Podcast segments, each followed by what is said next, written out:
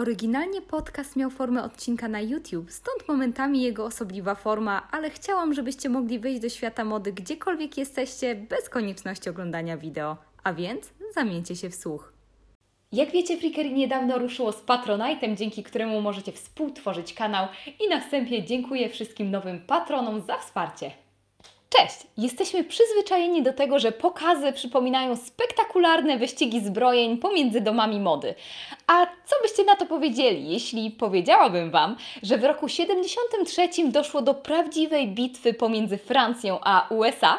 Jeśli chcecie dowiedzieć się, co wspólnego z tym wszystkim ma Versal oraz Liza Minnelli, o tym już za chwilę.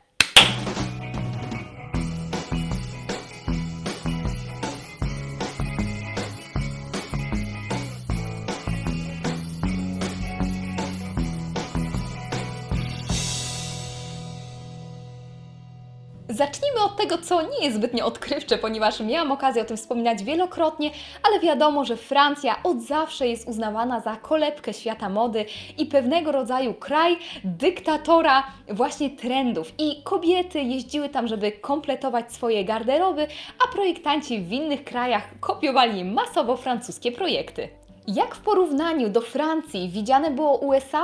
Jak młody, nieopierzony biznesmen, ale bardzo pomysłowy ze smykałką do handlu, kopiowania, ale tak naprawdę do niczego odkrywczego. Francja nie traktowała więc USA jako równego partnera, uznawała projekty amerykańskie za zbyt odtwórcze lub też po prostu zbyt mało wyrafinowane. Ale była jedna osoba, która za cel swojego życia obrała wyniesienie Nowego Jorku jako właśnie stolicę mody i nazywała się Eleanor Lambert. Była to kobieta instytucja, od lat doradzająca znamienitym Amerykanom, w tym właśnie na przykład pani Kennedy i to jej zawdzięczamy New York Fashion Week, Met Gala i listę najlepiej ubranych. I właśnie w roku 73 nadarzyła się jej okazja podczas pewnej kolacji, której nie mogła przepuścić. Tą okazją była kolacja z Gerardem van der Kempem, czyli kuratorem Pałacu w Wersalu. Van der Kemp narzekał, że stan pałacu jest opłakany, a to przecież symbol francuskości. Wtedy pani Lambert, e, Rupert też lamentuje nad stanem Wersalu w latach 70.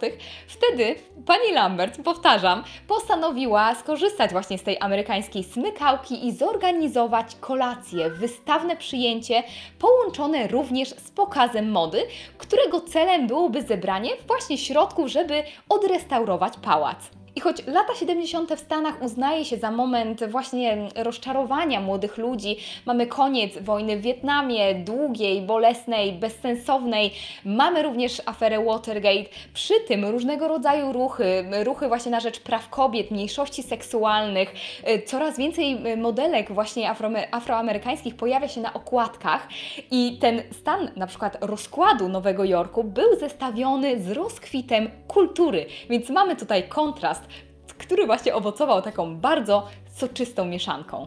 I jak to bywa w czasach trudnych, ludzie szukają ucieczki. Taką ucieczką były również modowe eksperymenty, które wykrystalizowały amerykański indywidualizm, ale też praktyczność. Gwiazdą programu przyjęcia miały być dwa pokazy mody.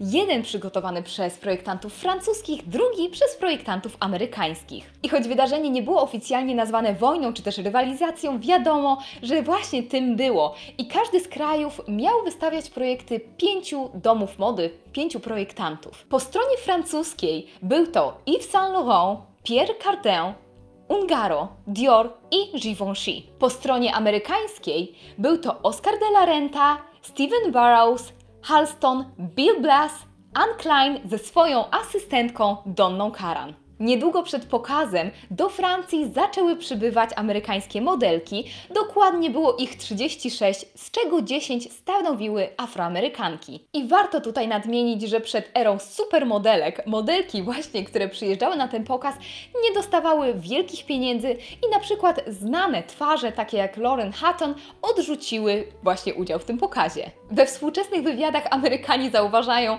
że Francuzi chyba próbowali im nieco kłaść kłody pod nogi, ponieważ ponieważ na przykład ich próby odbywały się za dnia, Amerykanie swoje próby mieli przeprowadzać wieczorami, kiedy panował cholerny ziąb i warunki były bardzo trudne. Dodajmy do tego podgrzaną do czerwoności atmosferę, czyli Amerykanie oczywiście czuli się nieco sparaliżowani nazwiskami takimi jak na przykład Yves Saint Laurent i podobno dochodziło naprawdę do kłótni dantejskich scen, nawet do tego, że Halston był po prostu tak poruszony właśnie emocjami i tym, w jakich warunkach ma pracować, że postanowił, że wszystkie rzeczy mają zostać spakowane, wszystko ma być odesłane i on nie wystąpi w pokazie. Oczywiście udało się wszystko załagodzić, ale nie było łatwo. Warto tutaj nadmienić, jak wyglądały pokazy francuskie przed rokiem 73.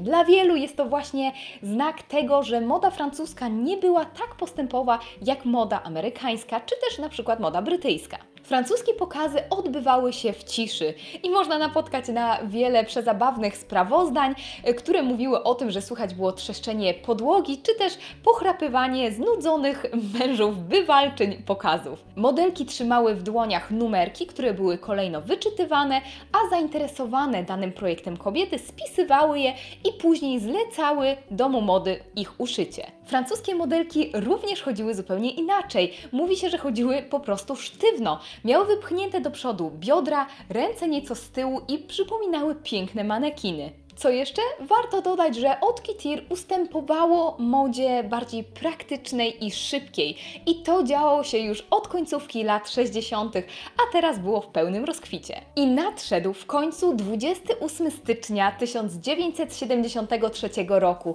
gdzie Wersal lśnił nie tylko przepychem samego pałacu, ale również cudownych gości. Pojawiło się ponad 700 osób, w tym Grace Kelly, Andy Warhol, Josephine Baker i rodziny potentatów. Pierwsza swoje działa wytoczyła Francja w prawie dwugodzinnym spektaklu z orkiestrą, który przypominał operę i cóż, przez wielu był uznany za niezwykle pretensjonalny, żeby nie powiedzieć w złym guście. Były tam oczywiście zmyślne odniesienia do historii, również do wysokiego krawiectwa, ale dla wielu było to, no cóż, nazbyt spektakularne i tak naprawdę jakby te sukienki ginęły, projekty ginęły, bo jedyną wartością tego pokazu było pokazanie tego, że Francja ma długą tradycję modową.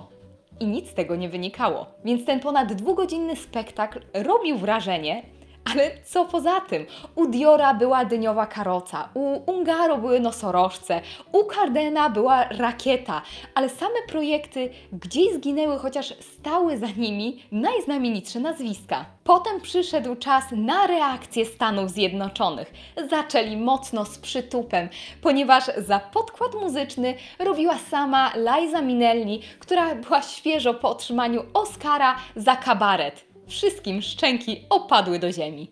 Po sali roznosił się szmer podekscytowania. Odbiór już po tym był świetny. Zapowiadało się coś świeżego, żywego, ekscytującego. Po show Minelli, która była odpowiedzią na francuskie show Josephine Baker, przyszedł czas na ubrania. I tak, Anne Klein odwoływała się do projektów sportowych, wygodnych, ale przy tym do kultury afrykańskiej. Było bardzo dużo zmysłowości, która wywołała ogromne wrażenie. Potem przyszedł czas na szalenie kolorowy, optymistyczny pokaz w rytmie funk Barrowsa te kreacje naprawdę pięknie lśniły na afroamerykańskich modelkach, które właśnie tam zaczęły się pojawiać. Bill Blass odwołał się z kolei do czasów wielkiego Gatsby'ego, czyli tutaj były motywy jazzowe, czerpanie do lat 20., 30. i ten powiew retro, ale również w takiej w balansowaniu na granicy stroju męskiego, żeńskiego bardzo spodobał się publiczności. Oscar de la Renta przedstawił swoje szykowne kreacje na wirujących modelkach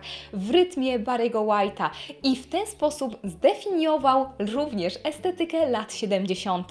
I na końcu mój ulubiony Halston, który dla wielu również zdefiniował amerykański szyk, który robił gwiazdorskie wrażenie. Te kreacje płynęły, ale przy tym miały zachowaną prostą formę. I co ciekawe, też tutaj na tym pokazie modelki pokazywały piersi, w tym był właśnie projekt, który obnażał jedną pierś, co również spodobało się Francuzom. Co stało się później? Pierwszą osobą, która wyrzuciła w górę program tego show była Grace Kelly, więc jak możecie się domyślać, tak naprawdę ten konkurs, ten wyścig zbrojeń, choć nieoficjalnie, ale sądząc po reakcjach na pewno, wygrali Amerykanie. Rozległy się owacje na stojąco i każdy chciał poznać tych młodych, ekscytujących projektantów. Co ciekawe, pokaz amerykański trwał ledwie 37 minut w porównaniu do ponad dwóch godzin Francji, ale to wystarczyło, żeby właśnie wydeptać sobie ścieżkę w świecie mody i zasłużyć na należyty szacunek. Krytycy z przekąsem mówili później, że na pokaz francuski zabrałby swoją babcię, a na pokaz amerykański swoją córkę. I co piękne, nawiązała się nić porozumienia pomiędzy światami mody, ponieważ e, francuscy projektanci byli pod ogromnym wrażeniem. Później rozmawiali z e, właśnie projektantami amerykańskimi. Oscar de la Renta był zachwycony afroamerykańskimi modelkami i w ten sposób dochodziło do ważnych zmian. W ten sposób została też zapoczątkowana zupełnie nowa era pokazów mody, które świetną muzyką, dobrą grą światłem, a także ciekawą choreografią, chodzeniem modelek mogą wywoływać ogromne wrażenie na widzu, bo wtedy na pierwszym planie są projekty, a o to przecież chodzi. Wspomniana na początku pani Lambert wiedziała po reakcjach, że udało jej się jej dzieło życia i w ten sposób moda amerykańska przysunęła sobie krzesło do stołu wielkiej światowej mody. A amerykański styl praktyczny, ale przez co wcale nie mniej oszałamiający, zdobył należytą uwagę. To już wszystko w tym odcinku Freakery. Jeśli podobał Ci się odcinek, kliknij łapkę w górę i subskrybuj Freakery, żeby żaden odcinek Ci nie umknął. Uderz również w ikonę dzwonka. Na dole jest sekcja komentarzy, na każdy komentarz odpisuję, na każdy odpowiadam. Jeśli chcecie dowiedzieć się, co u mnie słychać na co dzień, śledźcie mnie na Instagramie, a my widzimy się przy okazji kolejnego odcinka Freakery. Do zobaczenia!